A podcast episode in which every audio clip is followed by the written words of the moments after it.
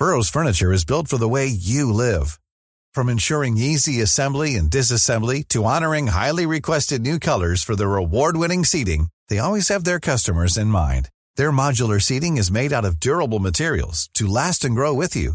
And with Burrow, you always get fast, free shipping. Get up to 60% off during Burrow's Memorial Day sale at burrow.com slash ACAST. That's burrow.com slash ACAST. burrow.com slash ACAST. I'm Sandra, and I'm just the professional your small business was looking for. But you didn't hire me because you didn't use LinkedIn jobs. LinkedIn has professionals you can't find anywhere else, including those who aren't actively looking for a new job but might be open to the perfect role, like me. In a given month, over 70% of LinkedIn users don't visit other leading job sites. So if you're not looking on LinkedIn, you'll miss out on great candidates like Sandra. Start hiring professionals like a professional. Post your free job on linkedin.com/people slash people today. Everyone knows therapy is great for solving problems, but getting therapy has its own problems too, like finding the right therapist, fitting into their schedule, and of course, the cost. Well, BetterHelp can solve those problems. It's totally online and built around your schedule. It's surprisingly affordable too. Connect with a credentialed therapist by phone, video, or online chat, all from the comfort of your home. Visit betterhelp.com to learn more and save 10% on your first month. That's BetterHelp H E L P. Er du klar for podd, Øystein? Veldig klar for podium, Roar. Ja, nå skal vi tilbake til eh, tidligere tider. Dette er noe av det første jeg kikka på i bilbladet til faren min. De beryktede 68-erne. Vi skal tilbake til 1968 og dykke ned i en historie som veldig få nordmenn kan fortelle. Ja, Nemlig historien om å designe og bygge helt sin egen bil. ja. Og det ikke opp på toppen av en fjelltopp. Nei, ikke det. Nei, det var å komme i gang i Nordvær. Det er sant. Da kjører vi pod.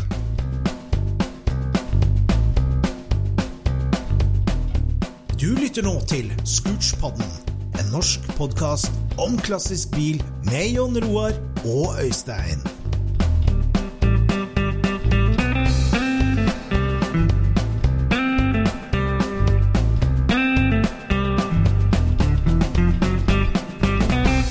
Kjære lytter, velkommen til en ny episode av Scootspodden.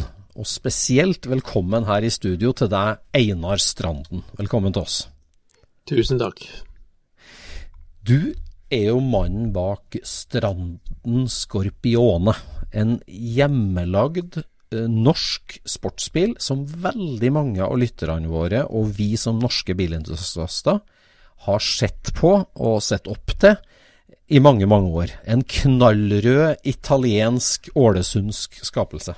Den stikker seg virkelig ut i den eh, skaraen av biler, altså. Den Ja, det. veldig spesiell bil. Og, og, du, Einar, er jo mannen som da som ung eh, student eh, kom på ideen og satt deg ned og, og tegna og tegnet og bygde din egen bil helt fra scratch. Eh, gratulerer, må jeg si, med flott resultat. Takk for det. Takk for det. Eh, helt utrolig. Vi, vi som er litt sånn folkevogninteressert, har jo merka oss den veldig med at den er jo basert på et folkevognsjassi. Men, men først og fremst så er det her en utrolig design. Eh, ja. hvor, hvor, hvorfor bygde du din egen bil? Ja, egentlig så um, eh, Dette var altså i 1968. Det var den gangen en 18-åring ikke hadde så mye penger. Og eh, jeg kunne ikke da gå hen og så kjøpe meg en bil, som jeg kanskje fikk lyst på i den tida. Eh, jeg gikk i andre gymnasklasse eh, i Ålesund, eh, riktignok. Jeg kommer fra Stranda.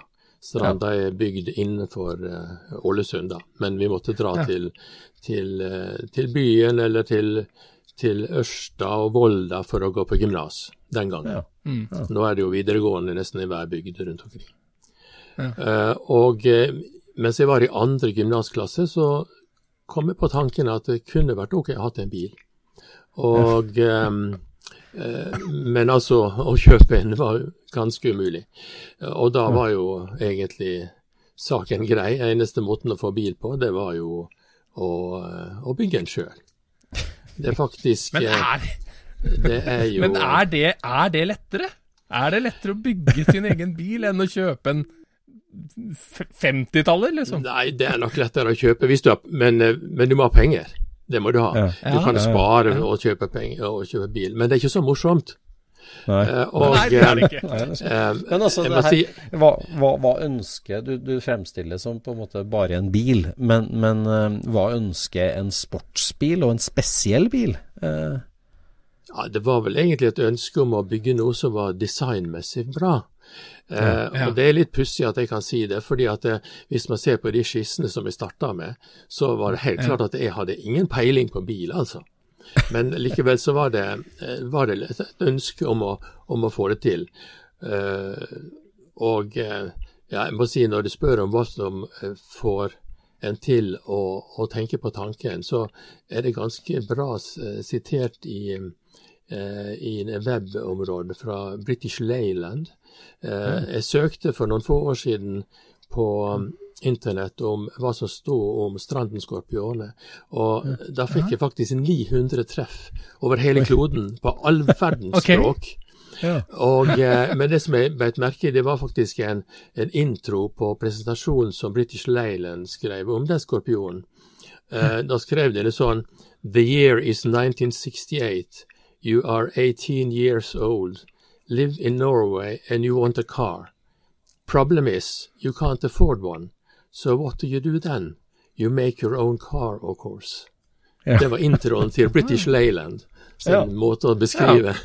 Jeg skjønner. Som Så- den største var selvfølgelighet. Ja, nettopp. Ja, ja, ja. Men du sier det at de første tegningene dine ikke tyda på at du kunne Altså at du var noen stor designer, men, men det, det viktigste med å være en designer er at du gjenkjenner en pen bil. Så det betyr jo ikke at du kan tegne den på arket, men at du gjenkjenner hva som er fint. Ja, det var, det, det var faktisk eh, ganske godt sagt. Fordi at um, um, jeg, jeg, jeg så jo veldig klart at de skissene jeg laga, de var ikke noe særlig brukbart i det hele tatt. Og så kom jeg over eh, bilblad. Altså, jeg hadde ikke penger til å kjøpe bilblad, egentlig, men jeg kom over eh, bilblad som viste italiensk bildesign.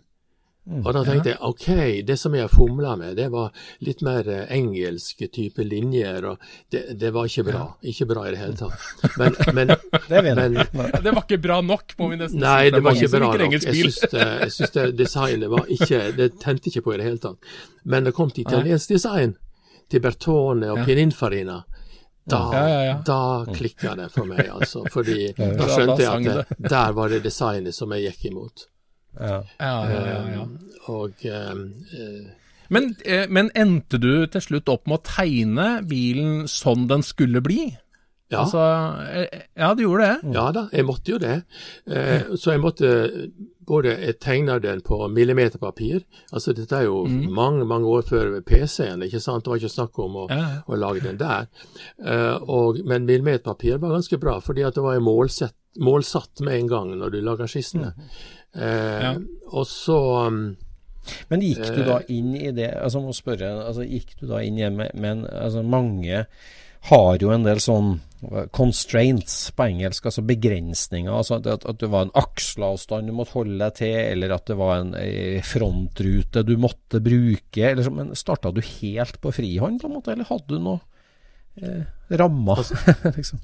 Altså, jeg visste jo eh, veldig tidlig at jeg måtte basere meg på folkevogn. Og, Ja. og det var en del kitcar, og det var vel grunnen til at jeg låste meg umiddelbart fast til det konseptet. Ja. Ja. Eh, og um, så det, det har jeg lest meg til. Så det, det skjønte jeg. Så der var jo akselavstand 240, og, og bredden var så som så. Men, men jeg kunne ikke bruke den bredden som eh, bilen var skapt som, fordi at jeg var helt avhengig av, eh, av frontruta, faktisk. Og det, siden du nevner det, det var frontruta som bestemte bredden på bilen. Ok. Det var et problem. Ja. Hva er frontruta fra, da? Jeg tenkte først uh, på en um, Det var en Ford-type. Problemet var jo at eh, den frontruta skulle ligge veldig, veldig mye flatere enn en vanlig bil, der frontruta sto mer rett opp på den tida. Ja, Og dermed så var ikke frontruta lang nok. Ja. Og eh, så eh, Men så kom da Det var eh, Opel Rekord. Så Ja. kom med en rute i ca. 1969-1970. eh, som var faktisk eh, ganske bra. At den var høy, altså, eller lang? Eller, Den var litt høy. lang, den var litt høy, ja. Slik at jeg kunne legge den, og den passa eh, litt eh, brukbart. Men likevel så måtte jeg få en glassmester til å skjære litt på hjørnet, for når jeg tilta den ned, så ble det noen sånne lepper som gikk litt for langt ned. Og, Ja, for eh, da løfta han seg for mye på midten. ja, nettopp. Eh, Og, da, og det fulgte ikke den kurven som jeg håpte på jeg skulle få til. Men apropos, apropos eh, frontruta, den, det er jo det punktet hvor man lettest ser hjemmelaga biler. Yeah. Altså, for du får ikke en frontrute til å bli fin til designet. Nei. Så, og jeg tenkte lenge og vel på hvordan jeg skulle løse det problemet til å få den til å se finere ut. Ja. Selv om den Opel Rekord-ruta var det beste jeg kunne finne på den tida. Um, Mm. Og um, jeg fant til slutt ut at jeg måtte basere meg på en illusjon. Okay. Jeg kunne ikke lage bilen nøyaktig til frontruta, fordi at jeg ville jo ha en frontrute som så ut som den gikk i en fin svai forover, i en fin bue. Se den ovenifra, så skulle det ligne på en, liten, på en C, på en måte. ja, ja. Eh, og eh, fordi det så disse fin, fine bilene ut. De hadde en Ja. sånn Ja, ja. konstruksjon. Ah, Og jeg tenkte mye på altså Jeg, jeg, kontakta eh, glassprodusenter om det var mulig å lage en frontrute. Men vet du, da hadde jo laminerte ruter kommet, og jeg fant til slutt ut at det hadde på ingen måte mulighet økonomisk til å få til. Eh, så jeg måtte basere meg på den illusjonen. Og eh, den illusjonen den eh, laga jeg på den måten at, eh, at front, eller panseret, de gikk bakover og fikk en, en eh, slak svai oppover. Eh, Det var to grunner til jeg la den oppover. Fordi at jeg ville ha luftinntaket til kabinen eh, eh, så høyt som mulig, og for å lage det luftpresset som skulle presse lufta lett inn i gjennom eh, ventilasjonssystemet og gi frisk luft inn, så hadde jeg altså luftinntak eh, lengst bak mot eh, ruta, men ikke helt inntil ruta, fordi at eh, den svaien den gikk oppover, og, eh, og eh, jeg, laga en kontur som ligner på en Z, bokstaven Z. Ah, ja. Ok. Inn mot ruta, liksom. Ja. Ja, inn imot grunnlaget for ruta, for det var ikke inn i ruta heller, fordi at eh, hvis man skjærer bilen på langs eh, i en båndsag, for å si det sånn, eh, Ja. mm. s- og, og ser den fra sida i snittflata, så får den en Z. Akkurat i den detaljen som jeg laga. Fordi den gikk altså svakt oppover, så gikk den ned forover igjen til et, en, en, et kil, eh, eh, og så bakover og møtte ruta. Og den delen som gikk forover og bakover mot ruta, den laga jeg svart. Det var, det var matt svart. Og Ja. da, eh, hvis, hvis dere går inn på websida eh, mi som heter strandenskorpioner.com, det kommer kanskje til å opplyse om den Ja. mer, eh, og går inn på fotosamlingen og går på skro scroller nedover til bilde nummer tre, da ser man bilen litt ovenifra og ser akkurat den detaljen, hvordan det lurer publikum til å tro at det har en rute som går fram til en fin uh, italiensk bilmodell. Ah. Eh, og, eh, og, og det, der blir man veldig lurt i fart og på avstand, litt avstand. Og kommer man innpå, så ser man bare en litt spesiell detalj som, eh, som var ganske uvanlig, da, for å si det sånn. Um, Men det at du plukka opp den detaljen der sånn fra det italienske, var det fra det ene bilbladet som du lånte, eller altså Du må jo ha skaffa deg noe mer å se ja, på, eller åssen den den detaljen det der måtte jeg tenke ut sjøl, for den, den er ingen andre som bruker eh, noen sted. Fordi at Jo, eh, men, jo detaljen, eh, det er greit, men, men at du klarer å observere at Ja. eh, italienske biler har en Ja. sånn frontrute, at du klarer å få til det ut av ett blad, er jo ganske godt gjort. Ja, det, jeg skal ikke si at det var bare ett blad, men, eh, men i hvert fall så så jeg ganske straks at jeg ville gjerne kopiere den detaljen. Men jeg hadde ikke muligheten jeg hadde jo ikke muligheten til å få den på vanlig vis, så jeg måtte lage den illusjonen, faktisk. Jeg skjønner. Men, men du, du, når, du, når du da som, som 18-åring og uerfaren begynner å ringe til glassprodusent og si at du holder på å bygge din egen bil, kan du lage frontruta, så ble du tatt seriøst og, og Altså. Jeg, jeg, jeg, tror, jeg tror jeg ble Jeg fikk iallfall inntrykk av at det ble såpass dyrt at jeg måtte bare si takk for praten. Ja, Eh, f- eh, men men eh, jeg, jeg kontakta jo andre firmaer også, annet så skulle jeg ha noen, noen um, gassfjære til dørene, for jeg ville lage dører som gikk opp, da, sånn, sånne viggedører. Og da måtte jeg ha et system for å holde de oppe, og jeg tenkte at noen gassfjære burde være en produsent, og det var en produsent som heter Stabilius i Tyskland, som jeg kontakta, og så skrev jeg at jeg eh, drev med en prototyp for en bilmodell. og, og forsøkte å, å skrive på tysk og greier, og uh, det hadde jeg jo lært på realskolen. da. Så eh, og de trodde de skulle få en stor bestilling, og etter hvert så spurte de hvordan det gikk med prototypen. Altså. Men jeg fikk altså, jeg fikk noen, i hvert fall to-tre fjærer som de hadde, de hadde, eh, hadde mata med så stort trykk at jeg skulle greie å holde oppe de dørene, for det spesifiserte hvor mange kilos trykk jeg måtte ha. da. Så, så, så noen ganger så blir man jo tatt seriøst, og jeg sa jo ikke noen ting om at jeg var eh, 18 år gammel, naturligvis. Men altså, altså veien fram til du var 18 år, altså var du en sånn typisk mekkegutt som skrudde sykkel og olabil og masse sånn, eller, eller tegna du mest og var designspire, eller? Nei, nei jeg, jeg, var, jeg var praktiker. Um, og, um, eh, og og det var alltid sånn når jeg som små guttefante fikk en, go- en leike eller noe sånt, Det første jeg gjorde, var å demontere den. Og skru den i stykker Ja. til smått. Og jeg husker det var bare ei leke som jeg aldri fikk montert sammen igjen etterpå. Så, så eh, jeg lærte jo veldig mye helt i, i, tre-fireårsalderen. Altså det, med det å så skru i stykker og skru det sammen. Og um, så, Så du var en mekketype liksom av Ja, natur, og du, ja. du, du likte Ja. det, og derfor Ja, var, ja, ja. jeg skjønner. Mm. Ja, mer, mer praktiker enn teoretiker på den måten. Ja, Ja. jeg skjønner. Men det her at du regner ut gassfjærer og sånt nå, må jo, det må jo tyde på at du, at du tenker på, mye på de problemene som kommer rundt neste sving. Ja, Altså det, før du begynte å bygge den bilen, så må du jo ha tenkt en god del. Ja, jeg jobba veldig mye med tenkning, må jeg si. Det var jo på gymnas. Jeg gikk i andre gym. Og eh, ja, Nå heter det andre videregående, da, men det er en annen ting. Eh, Så eh, da bygde Da satte jeg meg ned etter jeg hadde tenkt ut konseptet, så, så bygde jeg bilen to ganger i hodet. Jeg, Jeg holdt på i to måneder å bygge og bygge i hodet. Jeg, ha- jeg laga vel noen skisser, men alle tekniske, de fleste tekniske løs, eh, problemene, de, de hadde jeg faktisk tenkt gjennom til en viss grad før jeg startet prosessen. Eh, Ja, for, så- forklar ja. det. Altså, at du, så hver morgen så står du da opp og, og tenker deg gjennom altså, hvordan skal hengselet se ut, hvordan skal jeg løse det. Ja, Hver eneste detalj. Ja, ja, Ja. ja det, det var det.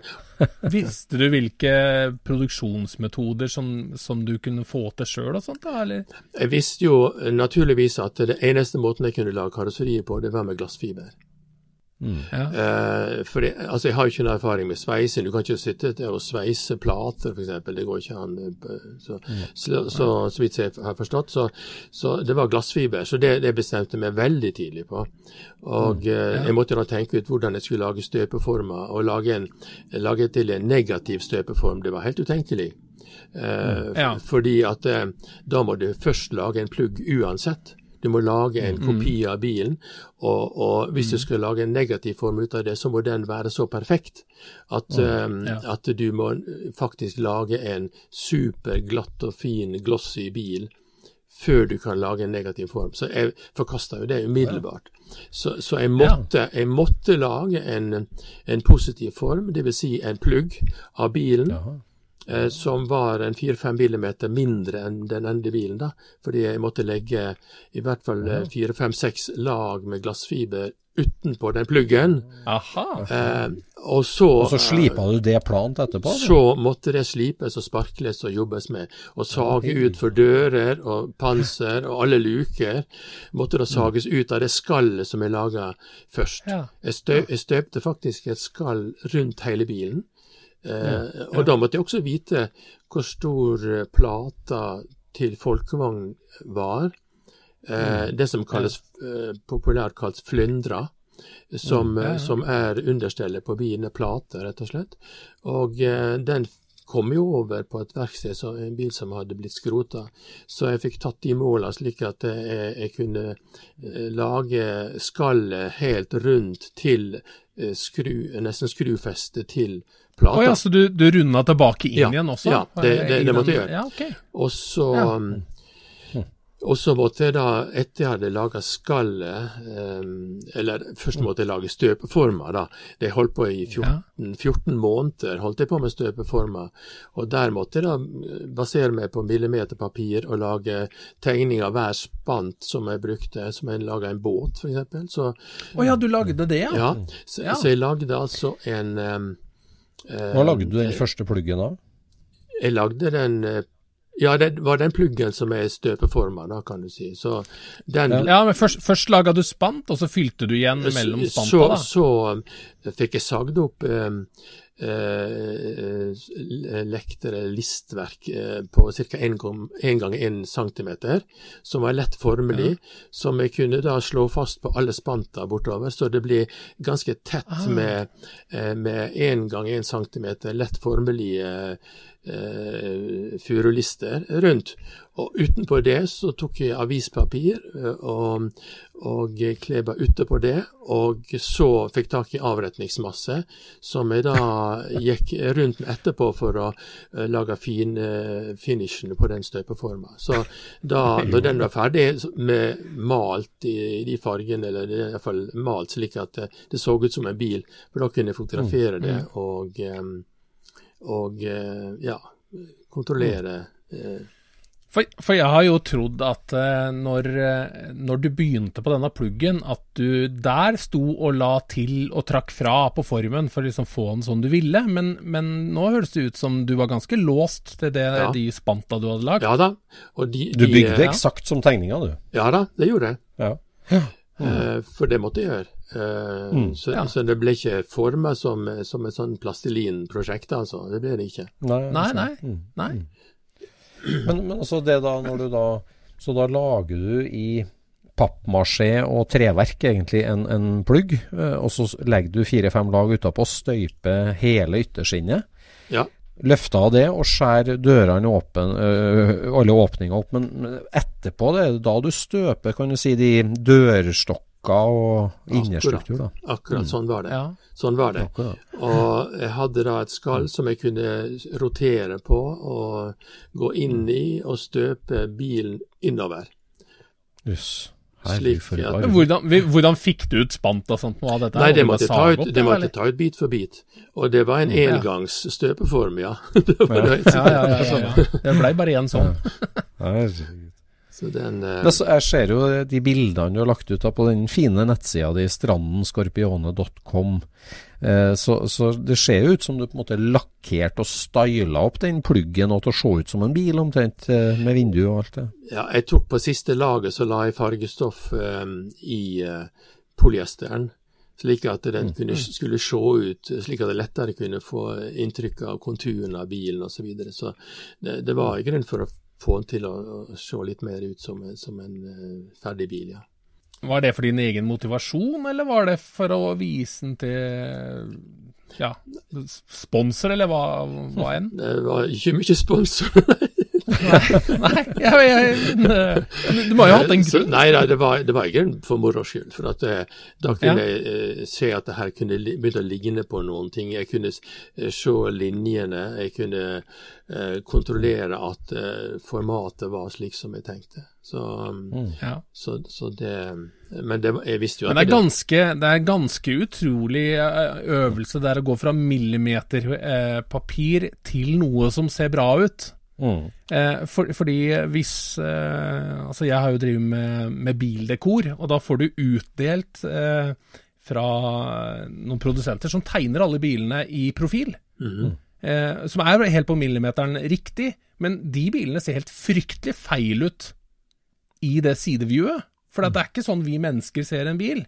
Som det du ser på et millimeterpapir. Fordi at eh, noe av rumpa forsvinner, noe av fronten forsvinner, og dermed så oppleves bilen litt annerledes i rommet når du står og ser på den virkelige bilen, enn det du ser på en tegning. Så at du faktisk nailer den bilen så bra på millimeteren før du bygger den, det, det syns jeg er smått utrolig, altså. Ja, ja. Ja, men det er ikke alt som er like vellykket, kanskje. Men, men det var jo det jeg savna, da. At jeg, at jeg kunne ha en tredimensjonal eh, modell å, å se på. For jeg hadde jo bare tegninger rett fra sida, og så bak, rett foran og rett bak. Eh, og eh, da visste jeg jo at det der var litt sjansespill, dette her. For at eh, linjer skal harmonisere, det skal høre sammen. De skal la mye vekt på å få linjene til å, å eh, bli sånn at det ikke virker altfor hjemmegjort ut. Det måtte altså ja. linjer som hørte sammen, f.eks. Eh, ja, sideruta bak, den gikk eh, i en, eh, en linje som gikk rett over i toppunktet av bakvinduet, slik at eh, eh, sånne ting måtte høre sammen. Og, så det, Sånne ting tenkte jeg på. Industridesign er jo veldig spennende, egentlig. Ja, ja, ja. ja. ja, ja, ja. Og, Det eh, spennende. så det, der måtte jeg, jeg måtte strekke meg ganske langt lenger enn jeg hadde noen forutsetninger for i utgangspunktet. da. Eh, for eh, Ja, for det er mye, det er mye Bertone, føler jeg. Altså Lamborghini Espada og, og Lamella og, og Ja. Mi- Miura kom med disse lamellene, og det syntes jeg var Ja. litt ålreit. Ikke minst fordi at jeg måtte velge plant glass i bakrutene, for jeg kunne ikke finne noe annet. Og da måtte jeg skjule de. Eh, og det, Ja. det var jo et utmerket måte å skjule det plane Ja. glasset med disse lamellene. Ja, for da la Ja. du kurve i dem. og Ja, da la jeg kurve i dem. de, ja. Eh, Ja, og det likeens eh, så er det eh, flere detaljer som går i samme gata. F.eks. luftinntak bak er jo lameller som skal høste Mm. lufta inn i motorrommet der. Og, og, og de er skapt Mm. på litt i samme eh, gate som de lamellene over bakvinduene. Så de hører sammen, på en måte. da, Mm. Ja, ja. designmessig. Ja. Hva var liksom det vanskeligste, syns du, med det, altså designøvelsen? Altså, hva, hvor var det vanskeligst å få en pen? sånn? Eh, Det var vanskeligst eh, når du skulle se den som noenlunde brukbar eh, fra forskjellige vinkler. Og det så jeg jo biler ferdig. Det er jo noen, akkurat som eh, hos oss mennesker, så er det noen sider som ikke er så bra som det andre. så, så, så, så det er klart at hvis jeg hadde hatt eh, andre verktøy, designverktøy, så ville jeg kanskje ville klart gjort andre ting med den. For eksempel, det er veldig 70-tall, så det er kanskje ikke så rart, for den ble jo skapt på 70-tallet. Men det er jo 70-talls eh, eh, linjer, eh, og eh, jeg ville nå kanskje i dag eh, latt eh, bilen spisse litt mer foran, ikke sant. Den går jo rett fram som, ja, som bilene var den gangen, fla, flate. Ja, ja. Eh, og det er ikke like vakkert design. Eh, rett litt forfra fra siden, så er den kanskje litt ålreit, vil jeg nå si i Men, dag. den, men, den har, men den har litt innsving både foran og bak. Ja, litt grann. Det har det. Litt grann. Ja. Litt grann. Så, For hadde du ikke hatt det i hele tatt, så hadde det jo sett veldig mye mer hjemmelaga ut. ja, takk. takk, takk. Ja. Ja, det, ja, men det, du, du, du må ha hatt et antall ting her som du liksom eh, Som du unngikk. Som du prøvde å unngå, tror jeg. Det virker sånn. For det er veldig mange klassiske KitKar-feller som, som, som, Som du, du har har gått unngått da, Ja. på din bil. Ja, nettopp. Det kan godt være, det. jeg har ikke tenkt over det, da, men eh, dere har jo mye Jeg er jo superamatør i dette her faget her, så det er um, eh, eh, Jeg har ikke hørt hva du mener, hva dere mener er, er, er ålreit. er ingen av oss to som har bygd noen bil, da, egentlig. Men, Nei, men du, du snakker du, du, du kommer inn på designet her, og det er jo eh, Vel, det var en, en amatør som tegna det, og eh, som har bygd det. Så, så Ja. um, Men jeg var kanskje litt heldig, da. Kanskje. Ja, Men, jeg, men så har jeg naturligvis eh, jeg. Har ikke sugd alt fra egen bryst, selvsagt. Det er klart at jeg har fått eh, eh, masse inspirasjon fra andre. Det må jeg bare si. Ja, du har jo hatt eh, fantastiske mentorer der, at du, at du klarte å plukke, plukke et helt land som, som inspirasjon. Det er jo genialt i forhold til hvis du hadde kikka på en ja, en sonett, liksom, eller eh, Ja. whatever. Ja, så, ja, ja. så hadde du liksom Hvis du ønska deg en spesiell bil, så hadde jo den, den du hadde prøvd å ligne på, ikke sant?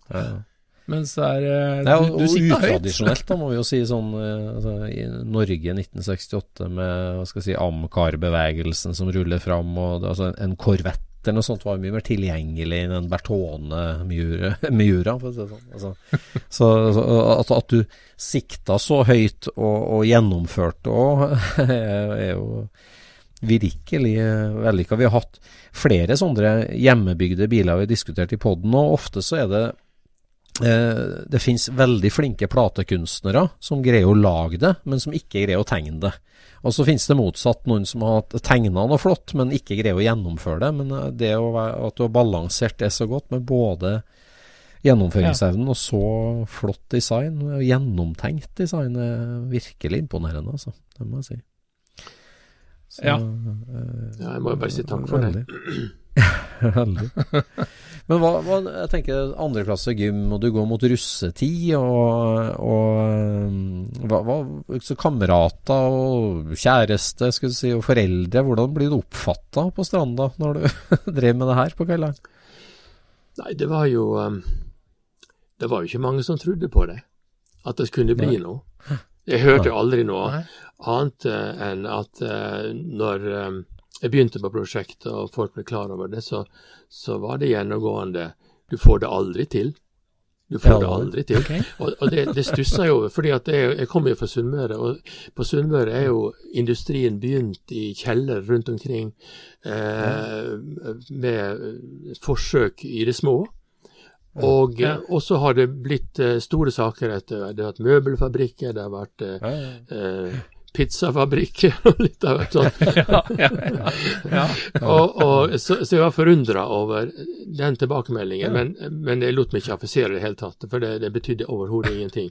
Men, men og så begynte det å ligne på bil etter hvert, og da kom det en ny, nye, nytt vers i den, den der oh, uttalelsen. Da var det får den aldri registrert'. Får den aldri registrert. ja, hadde du noen plan fra starten? Eh, med registrering?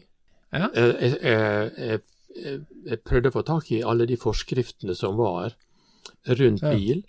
Eh, mm. Snakka med Biltilsynet om det.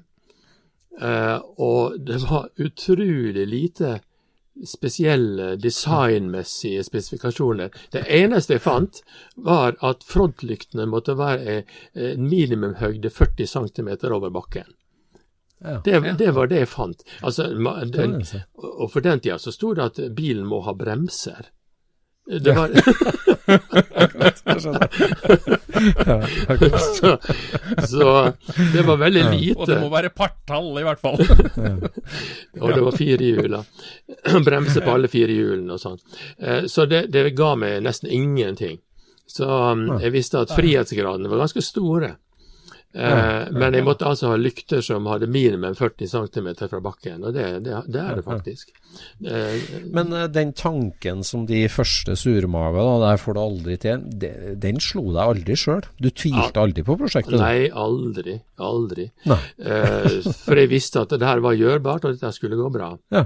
Så. Og det interessante er faktisk at man skulle kanskje tenke seg at, eh, at foreldre var litt negative, for de så jo, far min så jo naturligvis at uh, det gikk utover skolearbeidet, og han var rektor på realskolen på Stranda.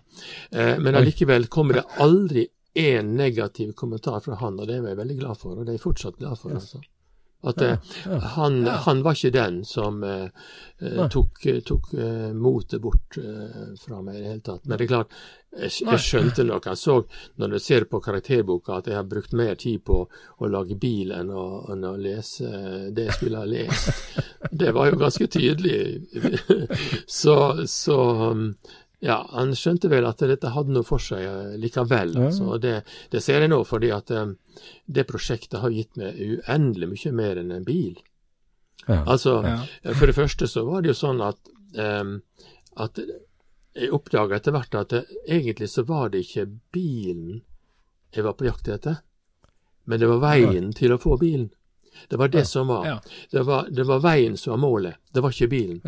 Eh, og, det, og, det, så jeg når bilen var ferdig, og, og, jeg tenkte hva nå? Altså Jeg ble nesten depressiv, fordi at det, eh, det var prosessen. Da, ja. Så det var ikke det å flashe rundt i en, en, en bil som uh, var sånn, sånn fin, som var tingen. Altså Det ga meg ikke noe men, men, det å løse tekniske problem og dra fram et sånt stort prosjekt, det var det som var kjernen i Spennende. mitt engasjement. eh, for å gjøre den så bra som jeg overhodet kunne få til med mine, min bakgrunn. da. Og bakgrunnen min, den var jo Altså, jeg hadde jo Altså, far min hadde en elektrisk drill med to hastigheter. Og det var det eneste spesialapparatet jeg hadde når jeg begynte på det. Jeg hadde ikke pipenøkler engang. Etter hvert så fikk jeg råd til å kjøpe pipenøkler. Jeg kjøpte et lite sett. Det, det kosta 224 kroner. Det var i 1969. Og, og, der var min, eh, min bakgrunn, altså. Jeg hadde ikke noe fagmiljø, hadde ikke noe verksted, hadde ikke sveiseapparat. Jeg kjørte rundt og fikk sveist litt her og der. Eh, Ja. Så, så, så, så Det var det, det far din skjønte òg, på en måte, at den mestringsfølelsen, problemløsningsgreiene og, og dere, altså bare prosjektledelse, prosjektgjennomføring, er jo en utrolig erfaring. Det var en fire års nærmest utdanning for deg der, det har vært. Ja. altså Ja. i mye av det der. Ja, det, det, det har du rett i. Det har du rett i. Fordi ja. Men du sier sveise, for at eh, du må jo ha laga noen utfordringer her som gjorde glassfiberjobben enda vanskeligere, sånn som dørene. Altså, ikke engang Espadan har jo sånne dører. Nei, den hadde tradisjonelle dører, ja. Mm. Ja, altså, Hvordan fikk du karosseriet sterkt nok til å bære dørene når du lokker de opp? Da, eh, da var den sekundære glassfiberjobben som kom inn. Fordi jeg la inn eh, metall i, eh, som er støpt inn i glassfiberen, altså rør, kraftige rør. Og de gikk rundt vinduene, og, eh, og, eh, Ja. og, det, og det å bygge opp eh, glassfiberen som sin egen forsterkning, det er også en ting. For jeg, jeg, jeg, jeg produserte sånn isopor, eller styropor måtte jeg ha, som, som ikke Isopor ville jo blitt, eh, blitt ødelagt, blitt oppspilt ja, i, i, av polyesteren. Så jeg måtte lage styropor, og det laga jeg i pappesker.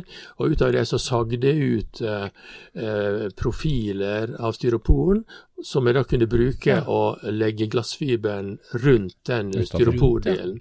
Eh, Så jeg forsterka overalt eh, og bygde innover, blant annet eh, på sidefeltet, det som skal holde holde meg fra uhell hvis jeg får sidekollisjon. Der bygde jeg opp så mange som 20, jeg tror det var 25 lag med glassfiber innover. Det er ingen cabincruiser som har så tjukk vegg som den bilen fra sida. Sånn. Og, og, og Ja, så du tenkte på det, og du tenkte på trafikksikkerhet, rett og slett? Ja, det er Altså, absolutt. ja. Mm. Fordi, eh, fordi at um, dørene kunne jo ta ut. Jeg laga det Mm. den, På 70-tallet så var det beach buggies, vet du. Dere husker kanskje det? Ja, ja. Dere lest om det. Eh, og da kjørte man jo uten dører. Og jeg kunne altså bare med å løse eh, to bolter, så kunne jeg trekke dørene ut. For jeg laga eh, dørfeste, hengselfeste, i, i firkantrør. Slik at eh, jeg kunne trekke de ut dørene og kjøre uten dører. Eh, det gjorde ikke, Jeg gjorde ikke det så mye, egentlig. eh, For det var, men, men tanken var jo der. Og da måtte jeg forsterke sidene veldig mot sidekollisjon.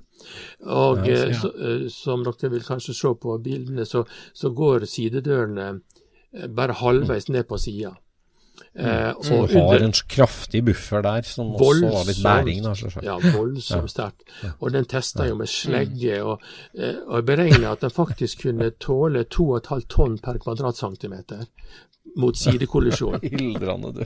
Da brukte jeg spesifikasjonen fra produsenten av glassfiberen. Yes.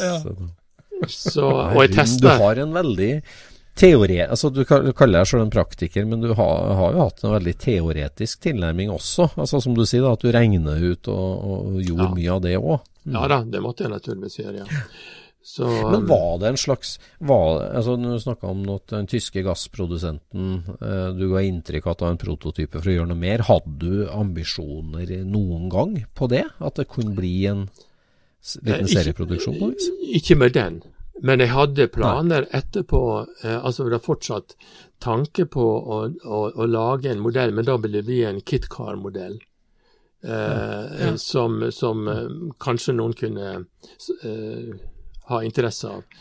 Og jeg laga ja. designet på den også når jeg var ferdig med denne her, og hadde planer, men så ble jeg så oppslukt av eh, eh, forskning og den slags at det var ikke, det var ikke noe tid til overs, altså, rett og slett. Så jeg måtte skrinlegge det. Um,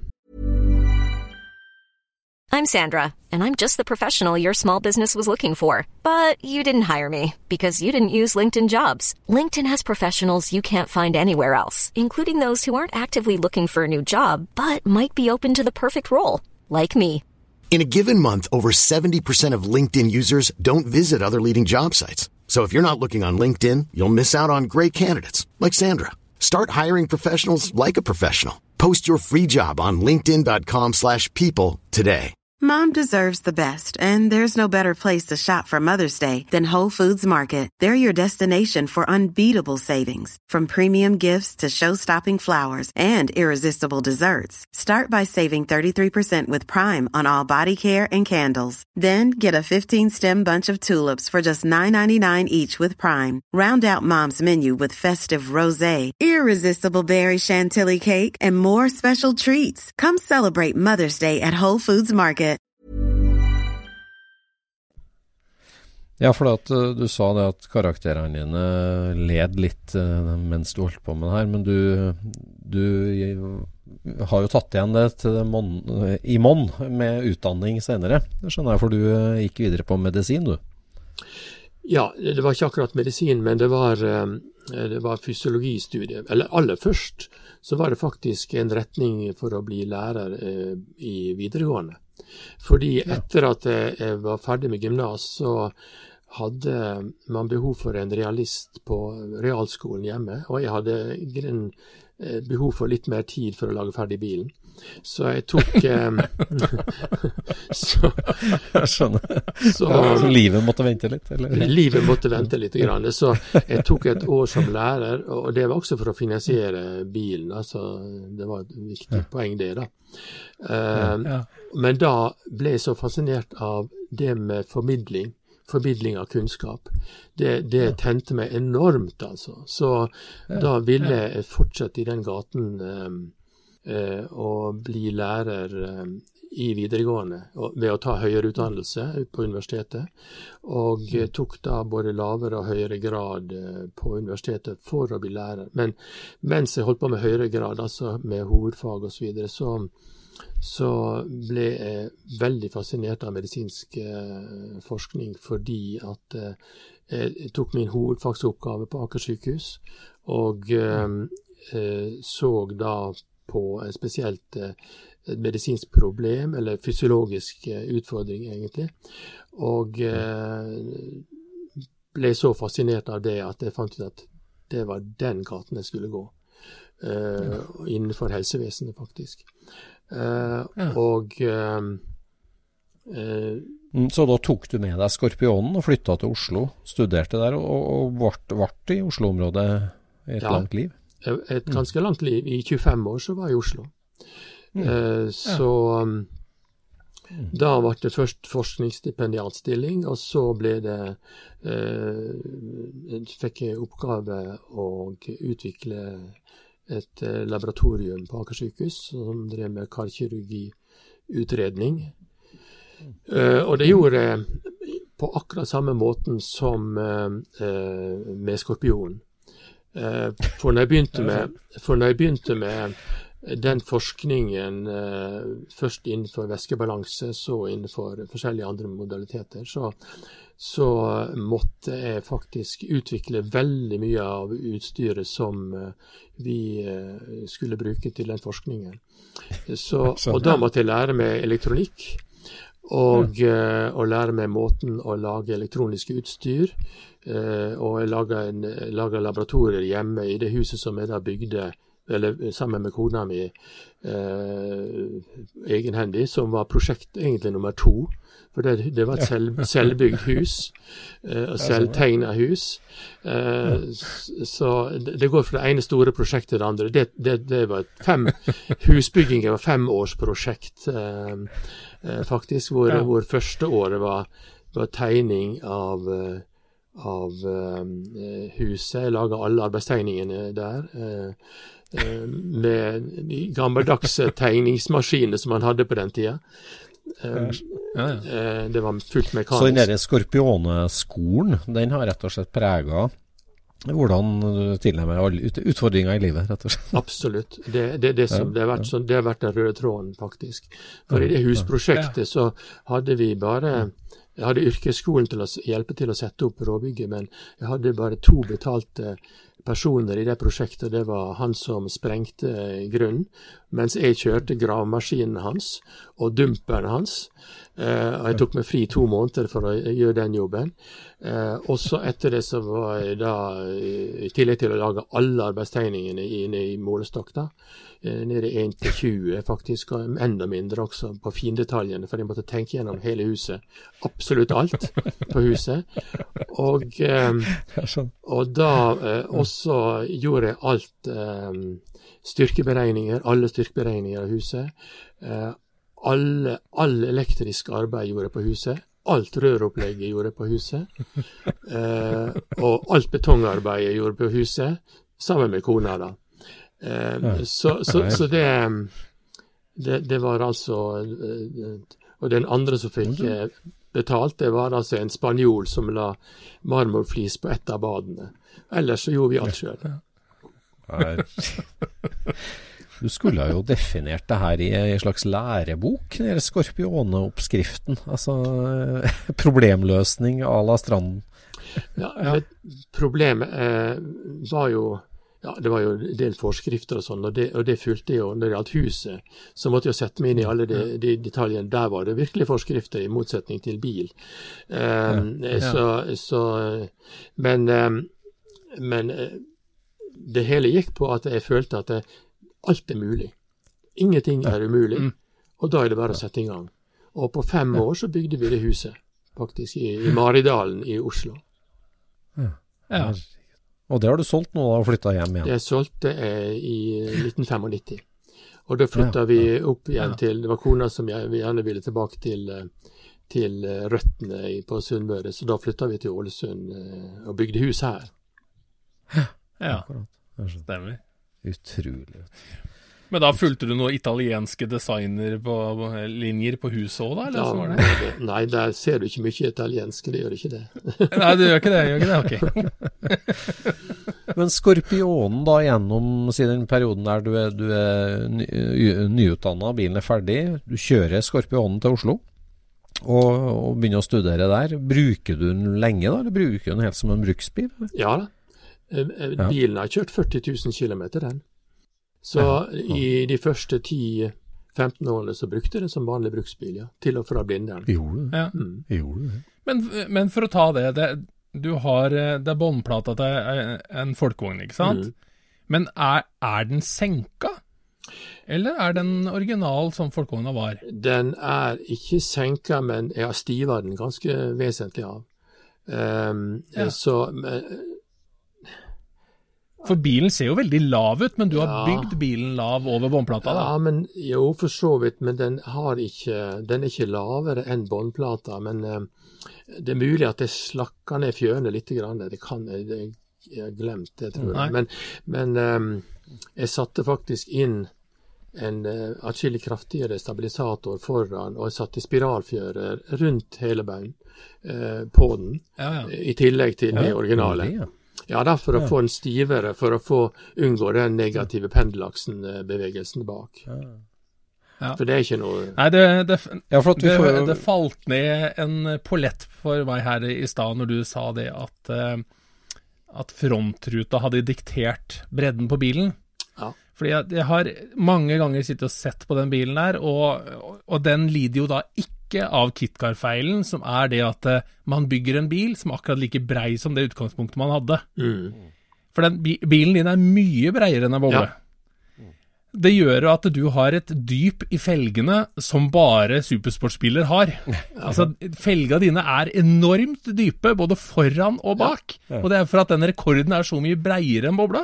det, det, det var jo en utfordring, så, naturligvis. Den ser, den ser jo ut som den er designa rundt felgene, men de må du jo ha nesten ha funnet etterpå, ja, det har jeg. Men hva slags felger er det du egentlig har på bilen? Ja, nå har jeg tredje sett eh, med felger, faktisk. For i starten, så Når jeg skulle lage sånn voldsom utbygging, så måtte jeg få laga de i, i Sverige. Okay. Det var det eneste som jeg hadde råd til også. Det var å, å bredde original stålfelger. Eh, ja. Og slik at de var eh, ti toms bredde på de felgene bak og åtte tom foran. ja, det, er da, ikke, det, er ikke, mer, nei. det, det, er ikke mer, nei. Så, så, så, det måtte til for at uh, jula skulle komme ut sånn passelig ja, i uh, julehuset. Uh, så kjøpte jeg på 80-tallet noen standard aluminiumsfelger.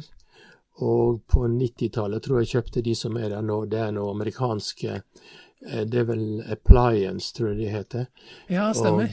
Ja. Som, uh, som, jeg syns passer veldig fin designmessig til bilen. Altså. Det er veldig fornøyd ja, det passer veldig fint på bilen. De er veldig i tiden. veldig fin. Og djup, så de gir inntrykk av veldig bredde. Veldig. Så har de liksom det lamelldesignet, på en måte? Ja, nettopp. Akkurat. Ja, ja, ja. Mm. ja, Jo da. Men jeg måtte jo ha en offset som var mye, mye mer enn det som bilen er konstruert for. Ja.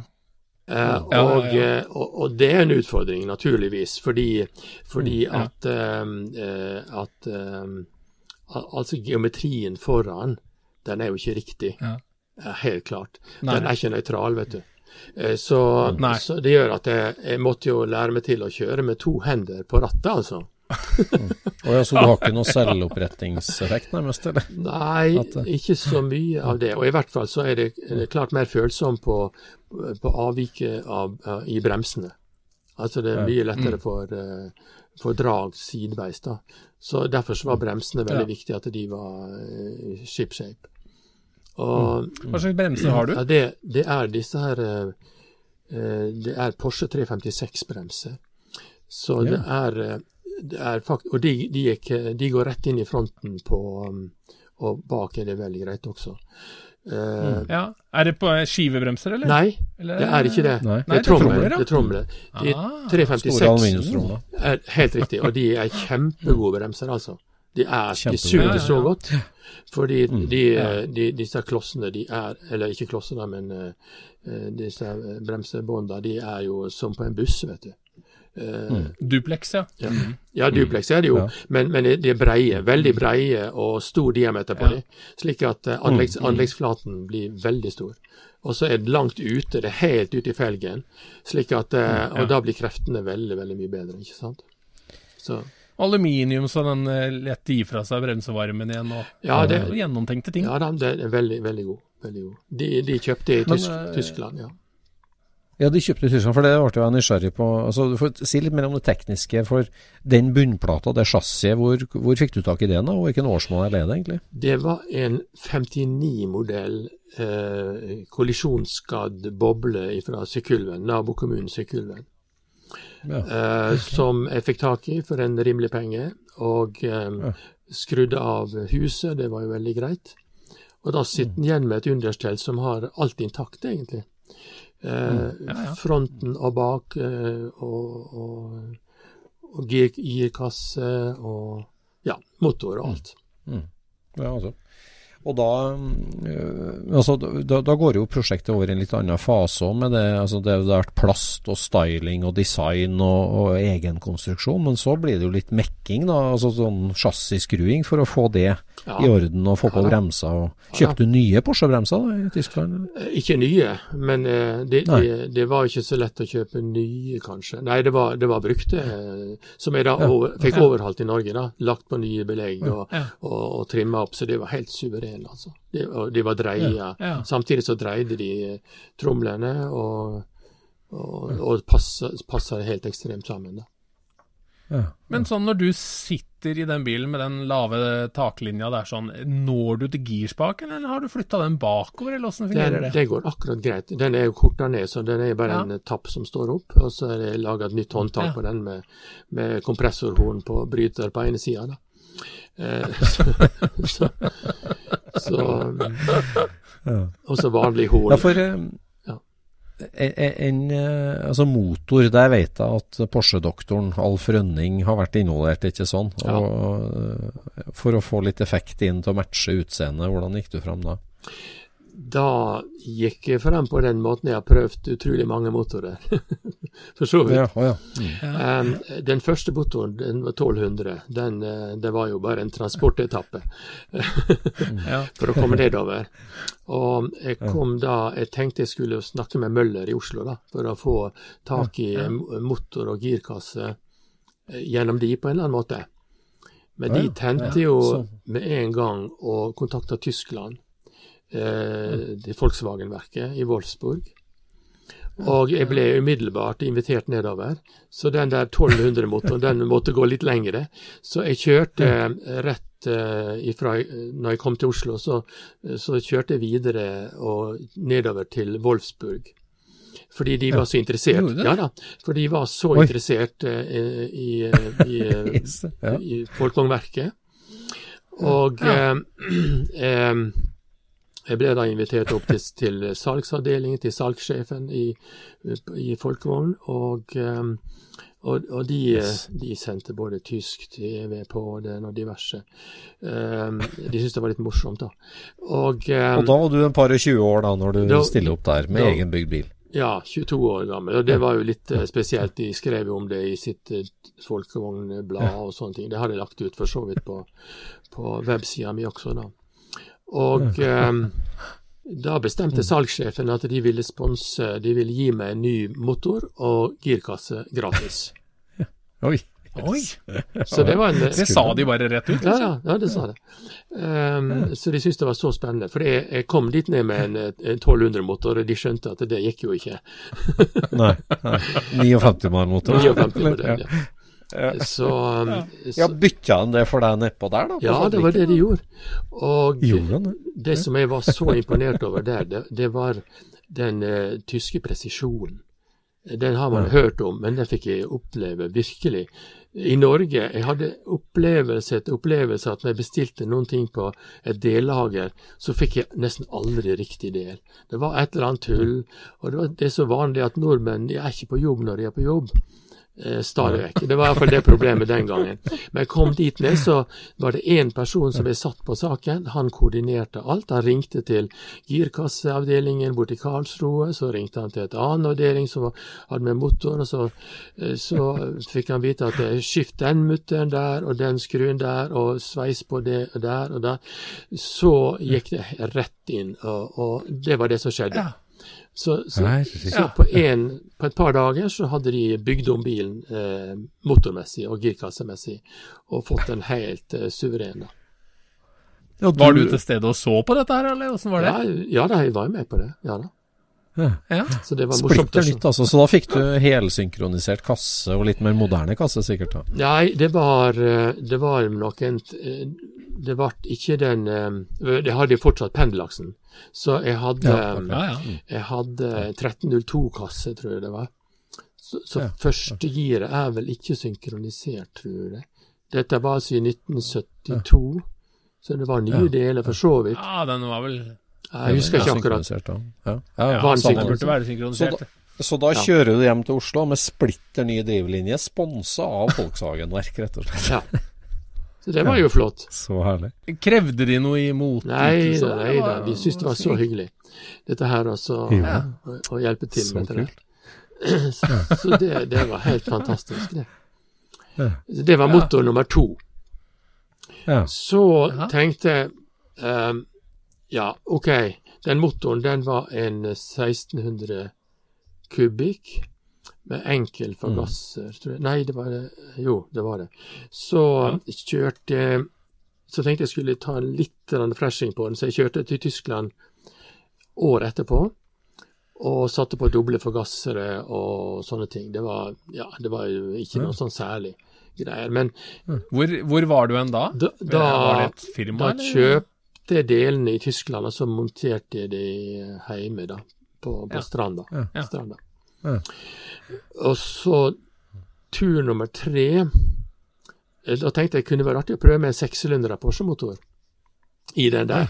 Ja, For det var plass til det? Ja da, det var faktisk plass til det.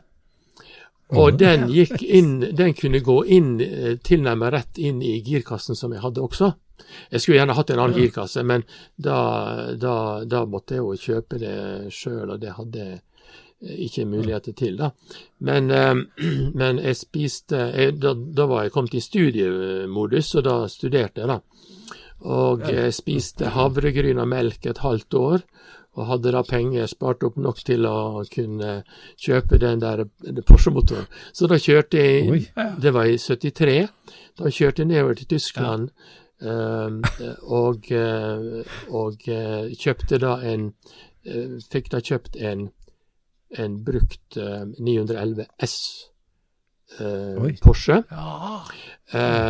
hos en Porsche-forhandler. Tok motorer. Ja, 2,2 liter? Det var kan 2,3 Ja, kanskje 2,2. Ja. Kanskje 2,2. Ja. Ja. Og så um, med litt ombygging. Det var litt ombygging der nede. Jeg måtte forandre noen ting. Noen, ja, og så når, I forbindelse med bremsene nå tenker jeg om, så måtte, Det var da jeg skifta bremsene.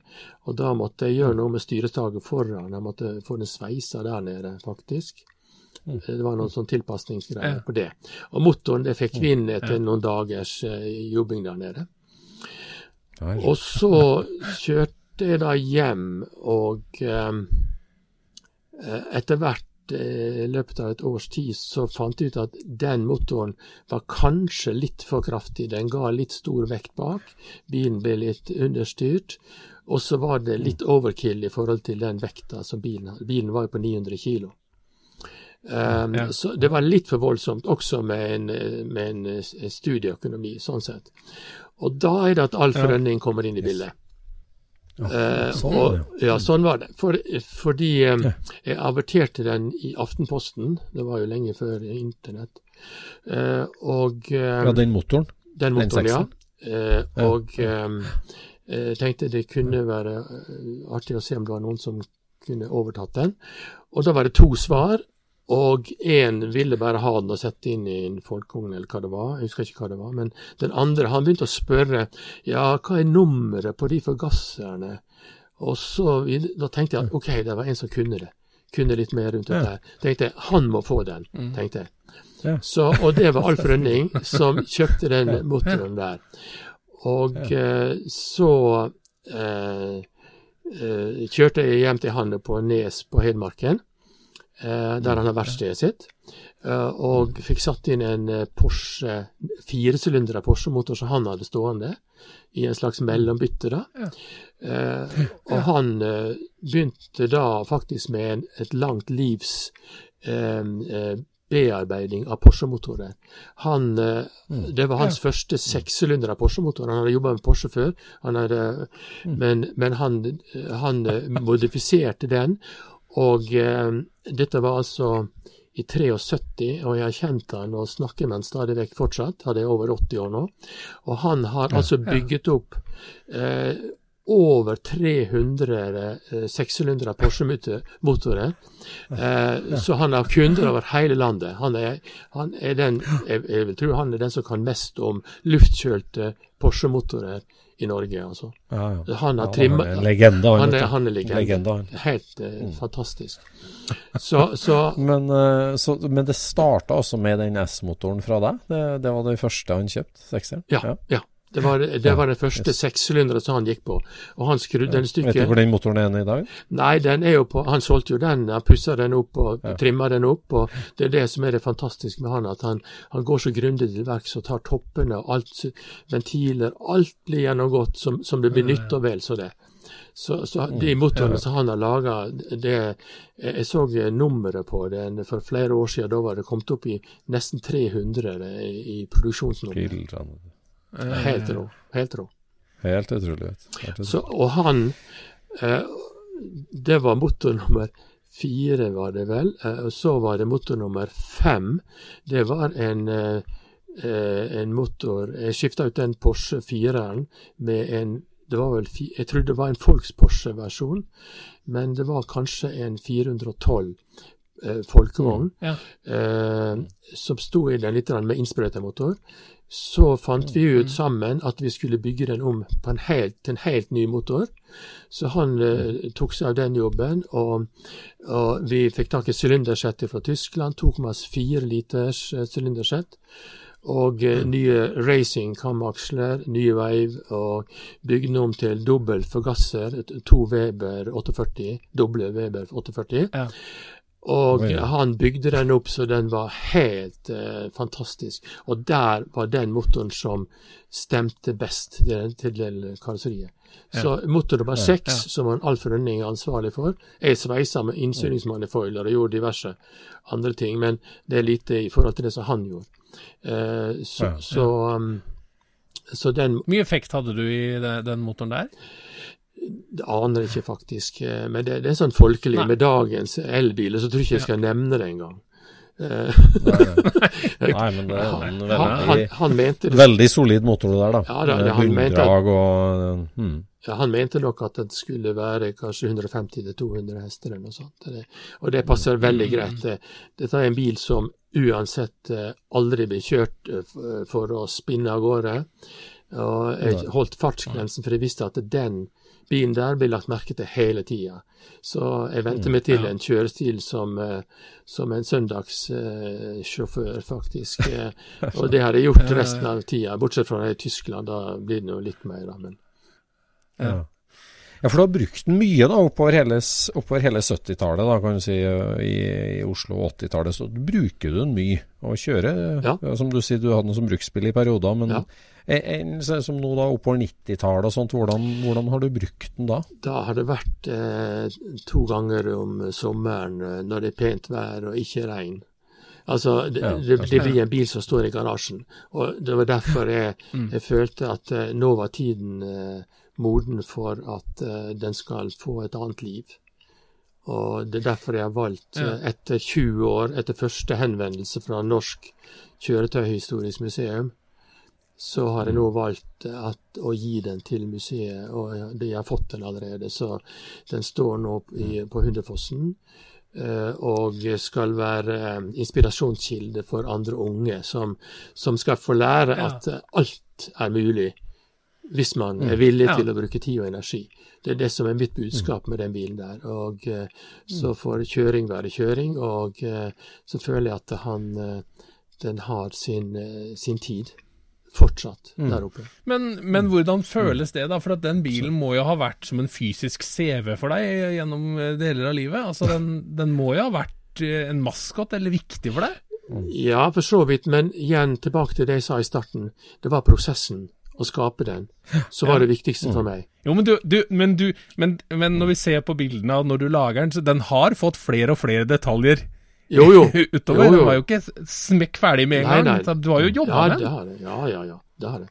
Men, eh, men det, det, det er faktisk eh, ikke med tungt hjerte jeg har gitt den til museet. Fordi jeg føler at den eh,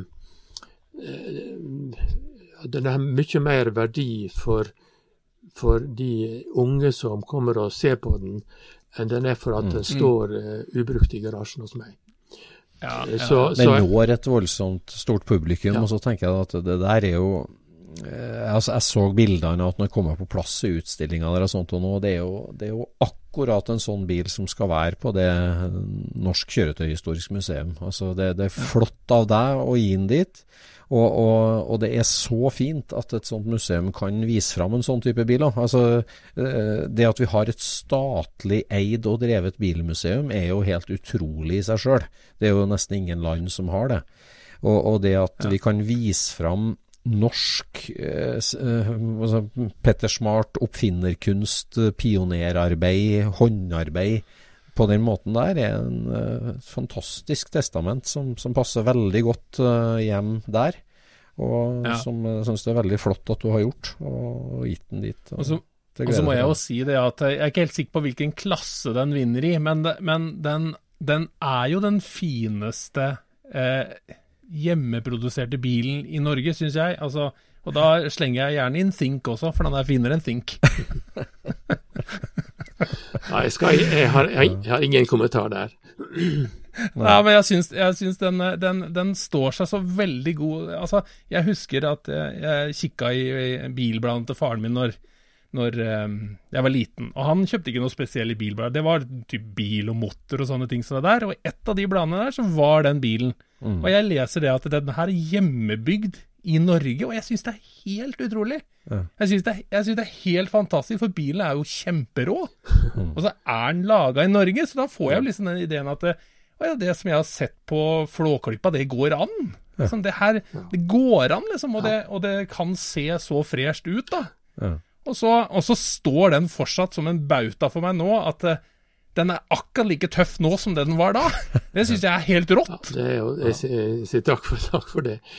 Um, det. Det er ikke noe annet å si til det. Men det um, Ja, Veldig den bra. eh, en, en navnet da, Einar? Skorpione, hvor kom det fra? Skorpione, det Altså, eh, hvis man tenker på astrologi, så er jeg i stjernebildet vern, har jeg skjønt. Og no, no, kunne ikke, da kunne jeg like gjerne kalle den troll. så, så, så, så vern gikk ikke. Så jeg måtte ha et navn som var litt giftig og litt eh, skarpt i kanten, på en måte. Så da, da syns jeg altså skorpion ja, det er faktisk eh, et, et navn som, som fenger meg, faktisk. Og, og det, når en ser på selve logoen der i fronten, så, så har jeg lånt den av Abarth, det, ser- det ser jo alle. Men, eh, men jeg har ikke fått noe krav fra Abarth eh, så langt, så jeg, de er, er vel tilgitt. Men jeg skrev også det på internett, eh, eller på websiden, at jeg har jo faktisk lånt den. Og, ja, det er ikke, det er ikke sugd fra Ja, egen, ja, ja. eget bryst, da. Så jeg syns det passer godt med det røde ikonet i, i fronten, sånn som det står. Absolutt. Veldig bra. Og så har han jo, han har jo også så sinna uttrykk i fronten, så med den logoen i tillegg, så er den liksom Den er jo i angrep hele tida. Ja, ja, nettopp. nettopp. Ja, ja. Mm. Nydelig bil. det og var veldig artig. Fantastisk. Det som ja, den livslærdommen fra prosjektet som du sier, som du har praktisert i årevis etter det òg. Ja. altså Ja, det- uendelig ja, pågangsmot. ja, ja. Det, det er sant, ja. Du har jo en evne til å sette deg inn i både fagfelt og detaljer òg, som er unik. Ingen tvil om det.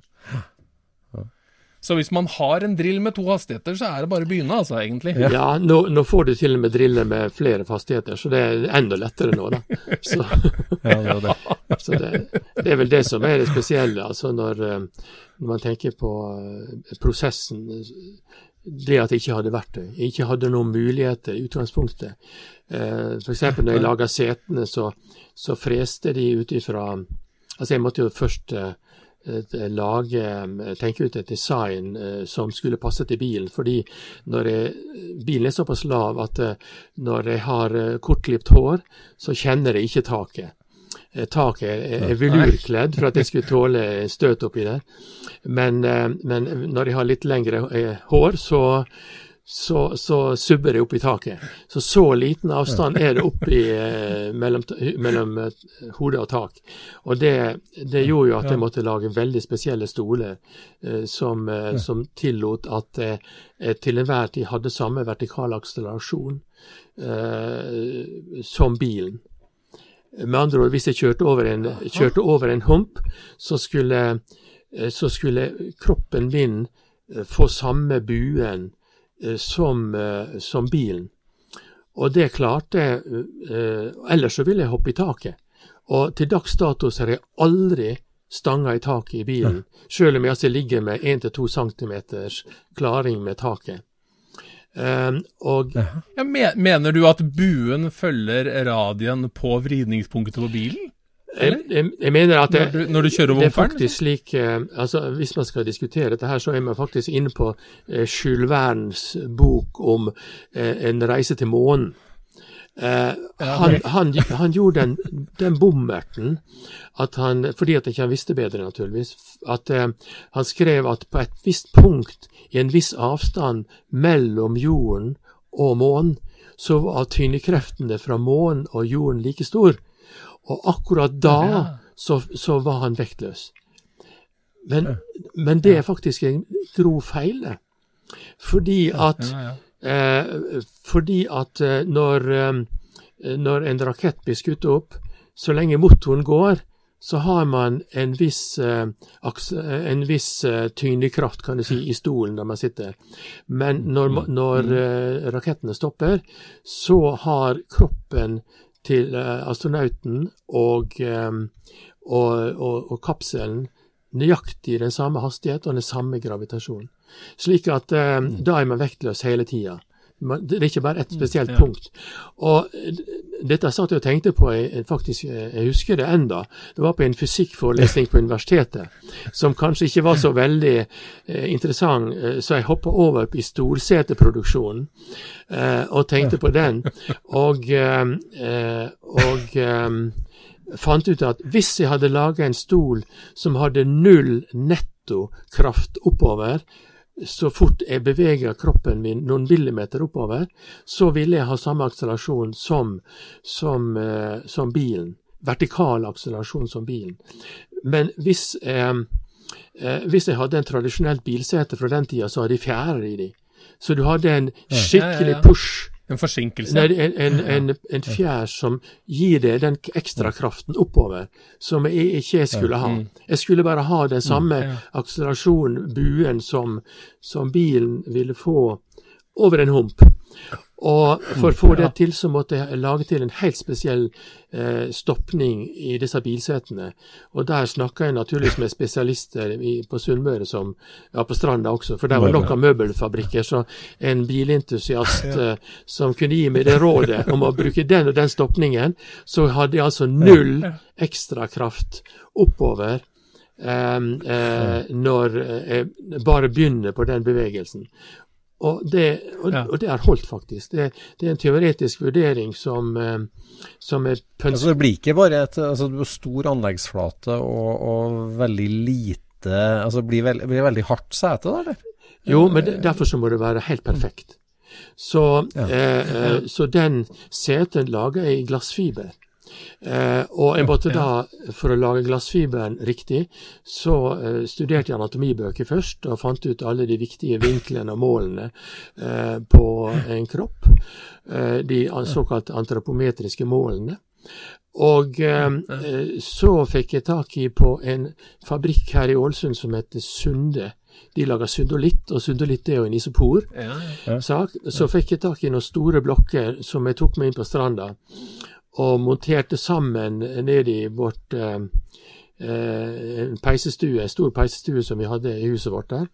Og der skulle det bli seteproduksjon. Og, og så, for å, for å da frese ut det som var nødvendig å frese ut av isoporblokkene, så brukte den der drillen med to hastigheter, da, eh, og tok en sekstoms spiker og banka flat hodet på, på den spikeren og slipte den i tillegg, slik at det ble som en kniv. Og så benda jeg den 90 grader, sånn en 3-4 cm fra hodet, og satte den inn i drillen. Og dermed så hadde jeg et freseverktøy som kunne som, Da så kjellerstua ut som en snøstorm, da. det var akkurat du, du tok det på ordet, fordi at det ble vinter i snø. det ble vinter i peisestua. Og, og moren min var ikke helt begeistra, husker jeg. Det, men men så, dette var det første, første trinnet.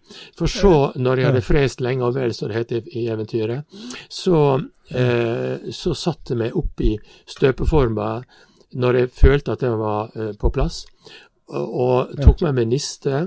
Gikk på toalettet og gjorde det jeg skulle der, og eh, jeg satte meg det opp i stolen på en lørdag ettermiddag, og satt urørlig i støpeforma til søndag ettermiddag, uten å gå ut av forma.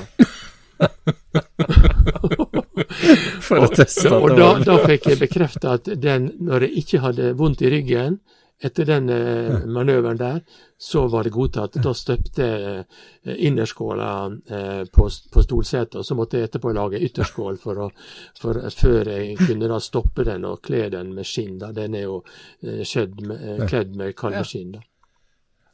Ja, okay. Så um, Men hvor, hvor langt er det fra rumpa di til båndplata i, i, i bobla når du sitter i den stolen? ca. 10 cm, tror jeg. 10 Ok. centimeter. Og så er det ganske stor helling. Eh, og det må til fordi at Ja, det er ganske liggende Ja. det blir ganske liggende, ja. Som, som formel. eh, formelvogn. Så um, og, og det har vært veldig, veldig behagelig. Den har jeg testa på langkjøring. Eh, når jeg kjørte opp igjen fra Tyskland første gangen, da hadde jeg antageligvis litt hjemlengsel. da. Og eh, da kjørte jeg fra Wolfsburg og hjem til Sunnmøre, Stranda, i non-stop. Uten å sove, uten pause. Bare på fergene var pause. Ja. Og det var 24 timers kjøring, så det var Le Mans, det, eh, egentlig. Og, og da kunne jeg da stige ut av bilen hjemme etter 24 timer uten engang å være trøtt. Og det, det trodde jeg ikke var mulig. Jeg skulle tro at hvis du sitter Sånn stort ønsker jeg meg. Det der burde du satt i, satt i produksjon. Faktisk så holdt det på å bli det. For det er en, eh, en møbelfabrikk på Stranda, Skarbøs lenestolfabrikk, de eh, fatta interesse for den stolen der. Så de ville produsere den eh, som en TV-stol. For den var ferdig samme året som Ekornes hadde sin Stressless. 1971. Ja. Da kom den, og da så vel de andre møbelfabrikkene om etter noe tilsvarende. Eh, og den var så god å sitte i at den, eh, de var interessert i det. Men så fant de ut at når de fikk alle tegningene og produksjonsdataene mine, så fant de ut at dette, denne kunne ikke de eh, tjene så masse penger på, for det var litt for mange timers arbeid og, og med den stoppningen og det arbeidet som lå bak.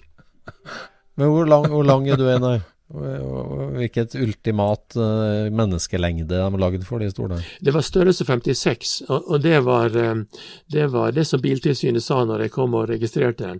Eh, Når, han, når de prøvde stolen, så sa de ja, dette her er størrelse 56, den sa de. Denne bilen. Nå kjenner jeg at de må opp til Lillehammer og prøve sitt dem, for det hørtes jo veldig komfortabelt ut. Det, det, det kan du prøve. Jeg tror du vil sitte ganske komfortabel der. Ja, Hva sa de egentlig på Biltilsynet når du kom med bilene? Nei, de var jo eh, Ja, de hadde jo fått et tips om det, da, men de hadde vel ikke trodd at jeg kom. Det, eh, så, så, jeg- så jeg, men jeg, jeg møtte jo opp der, da. Og eh, de, de gikk gjennom og testa den og målte vekta og, og, og, og sånn. Og, og, og til slutt så kom de smilende ut med, med skiltet, altså. Og skiltene, det, den gangen så var jo skiltene sånn at man kunne ikke plukke ut fine skilt eh, som man kunne tidligere. De lå fortløpende, ikke sant. Men eh, jeg er ganske sikker på at det skiltet hadde de liggende i en skuff eh, klar, tenkte jeg, for det, der fikk jeg UE 19007. James Bond. Ja. Så, så, så, så den var nok ikke tilfeldig, tror jeg. Nei. Nei, fantastisk. En, en pod-episode blir altfor liten til å fortelle denne utrolige historien, Einar. Men uh, nå er vi ved veis ende, og det har vært veldig inspirerende å snakke med deg. Eh, og du har bygd en bil som, som vi sier som, vi, vi snakker liksom om Il Tempo Gigante og Flåklypa Grand Prix som en veldig motivator for norsk bilhobby, men Stranden Skorpione er absolutt en av de her også, som har påvirka ja, en hel generasjon med Sier bilentusiaster og bilbyggere. Det var ikke klar over. Ja. Ja. Mm. Jo, det er sant. Mm. Det er helt sant. Vi har lest bilblad og sett alt vi har kunnet helt siden vi var født tidlig på 70-tallet, og fått med oss det der, der det skal jeg love deg. Mm. For det Ja. Det, Ja, Det var hyggelig. så Mm. Ja. veldig, veldig hyggelig. Eh, og storveies at du har donert den til Kjøretøyhistorisk museum, så at flere kan få glede av den. Ja. Ja, Ja. Det var ikke så veldig vanskelig, men, eh, men eh, jeg føler hele tida at det var den riktige valget uansett. Og familien var helt enig, så det er ingen av barna som, som føler, feller noen tårer, tårer av det, egentlig. Og det er bare sønnen min som er størrelse 56, så det var jo greit nok. Ja, men da vet vi det at det er bare en tohastighetsdrill og litt rocket science som skal til da, for å bygge bil sjøl. Og så- et pipenøkkelsett. Det fant de ut etter hvert. Ja, det var det. ja. Til 224. Ja. Ja. og enorme mengder pågangsmot og eh, evner. Ja. Det hører med, det hører med ja. Mm. Er det noen prosjekter nå da på blokka, Einar? Nei, det har, vært, med eh, det har vært husprosjekter. Jeg har vært opptatt med, med, med både dattera og, og, og ektefelle, og, og sønnen og, og ektefelle med Ja. familie. Så det er sånne ting som, eh, som har tatt mye tid de siste par åra. Ja. Sånn er det. Praktiske ting. Ja. Veldig hyggelig at du svingte innom Scootspodden eh, og fortalte historien. Tu- Utrolig. Tusen takk for Tusen. invitasjonen. Veldig moro. Takk for det. Ja. Ta, og takk for i dag. Ja, takk for det. Ha det godt, ja. Ha det bra. Scootspodden produseres av SSC Media, med god hjelp av VV Norge og Trond Dahl for hosting, Knut Micaelsen for musikk. Abonner på Scootspod via podcaster eller Acast, og følg Scootspod på Instagram og se det vi snakker om. Der kan du også komme med kommentarer og innspill, og fortelle oss hva du vil høre om.